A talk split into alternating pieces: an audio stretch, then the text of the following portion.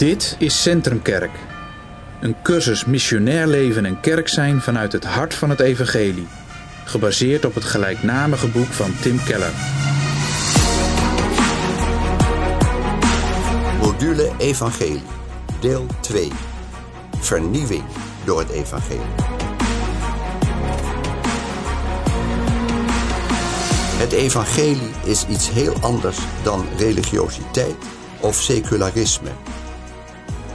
Het is een derde manier om een relatie met God te hebben, namelijk genade. Daarom verkondigen wij het evangelie op een unieke, evenwichtige manier, waarbij de fouten van de uitersten worden vermeden en de scherpte van het evangelie getrouw wordt overgebracht. 4. Waarom is vernieuwing door het evangelie nodig?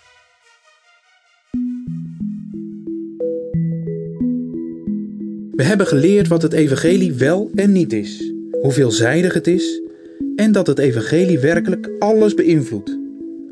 Daarom is een diep en juist verstaan van het evangelie cruciaal. Het evangelie is in staat ons hart en ons denken te transformeren. Als het evangelie wordt uitgelegd en in zijn volle diepte wordt toegepast in een kerk, zal die kerk uniek zijn. Er zal een aantrekkelijk, inspirerend evenwicht heersen tussen morele overtuiging en compassie. Daarom hebben we een levensveranderende herontdekking van het evangelie nodig. Het kerkelijke leven en de harten van de mensen moeten vernieuwd worden. We zullen nu leren waarom we vernieuwing door het evangelie nodig hebben, wat die vernieuwing precies inhoudt en hoe het werkt.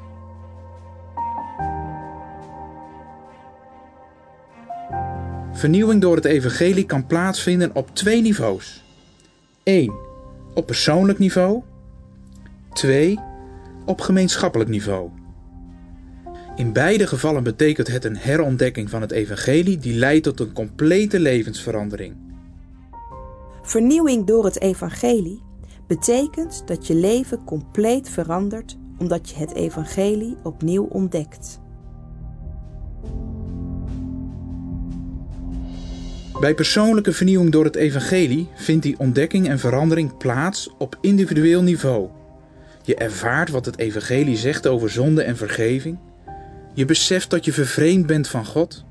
Je ontdekt diepe lagen van zelfrechtvaardiging en ongeloof in jezelf. En verwondert je even diep over Gods vergeving en genade.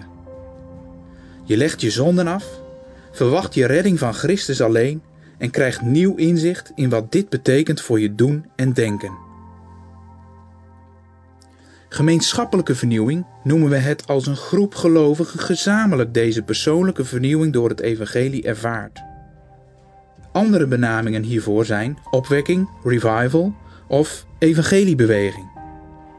Elke groep gelovigen, elke kerk heeft de neiging om het unieke van het evangelie uit het oog te verliezen.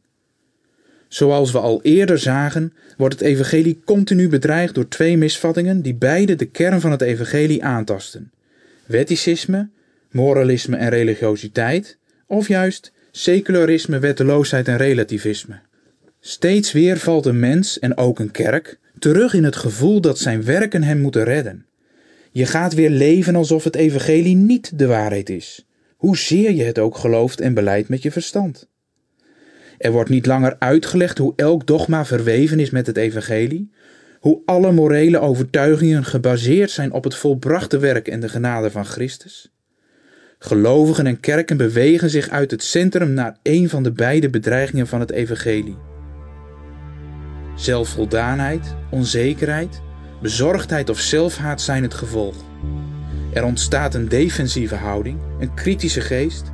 Er ontstaan raciale of culturele gevoelens van superioriteit, allergie voor verandering en andere vormen van geestelijke doodsheid. Kortom, het evangelie van pure genade is uit het oog verloren. Dat evangelie biedt hopeloze zondaren zowel nederigheid als troost. Dat leidt tot blijdschap, nederigheid en vriendelijkheid. We beleiden het evangelie net als voorheen, maar geloven er diep in ons hart niet meer in en leven alsof we onszelf kunnen redden. In de dagelijkse praktijk vertrouwen we op onze eigen morele en leerstellige kwaliteiten. Individuele gelovigen en kerken glijden langzamerhand geestelijk af, tenzij zich een vernieuwing of opwekking voordoet.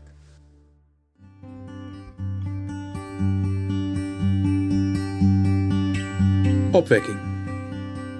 Opwekkingen zijn er altijd geweest, in soorten en maten. Zo werkt de Heilige Geest in een gemeenschap.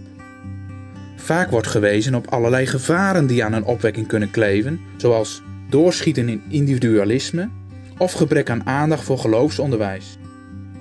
Dat gebrek aan evenwicht verdient aandacht. Veel hedendaagse critici van opwekking gaan echter een stap verder en vinden dat kerkleden sowieso niet opgeroepen moeten worden om zich te bekeren. Er zijn echter twee erg goede redenen om wel gericht te zijn op vernieuwing door het evangelie. Een eerste goede reden is dat vernieuwing door het evangelie past in onze tijd. De cultuur wordt niet langer bepaald door één grote kerk en godsdienstige traditie. In een pluralistische samenleving met keuze uit meerdere concurrerende geloofsovertuigingen of wereldbeschouwingen moeten mensen persoonlijk worden overtuigd en opgeroepen om een bewuste keuze te maken.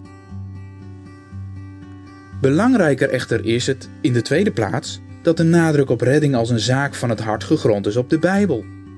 In Romeinen 10, vers 9 staat: Als u met uw mond de Heer Jezus beleidt en met uw hart gelooft dat God hem uit de doden heeft opgewekt, zult u zalig worden. Verstandelijk instemmen met de christelijke waarheid is niet genoeg. Er moet ook persoonlijk vertrouwen zijn, een hartelijke overtuiging. Berouw en geloof zijn diepgaande ervaringen die het hart raken en veranderen.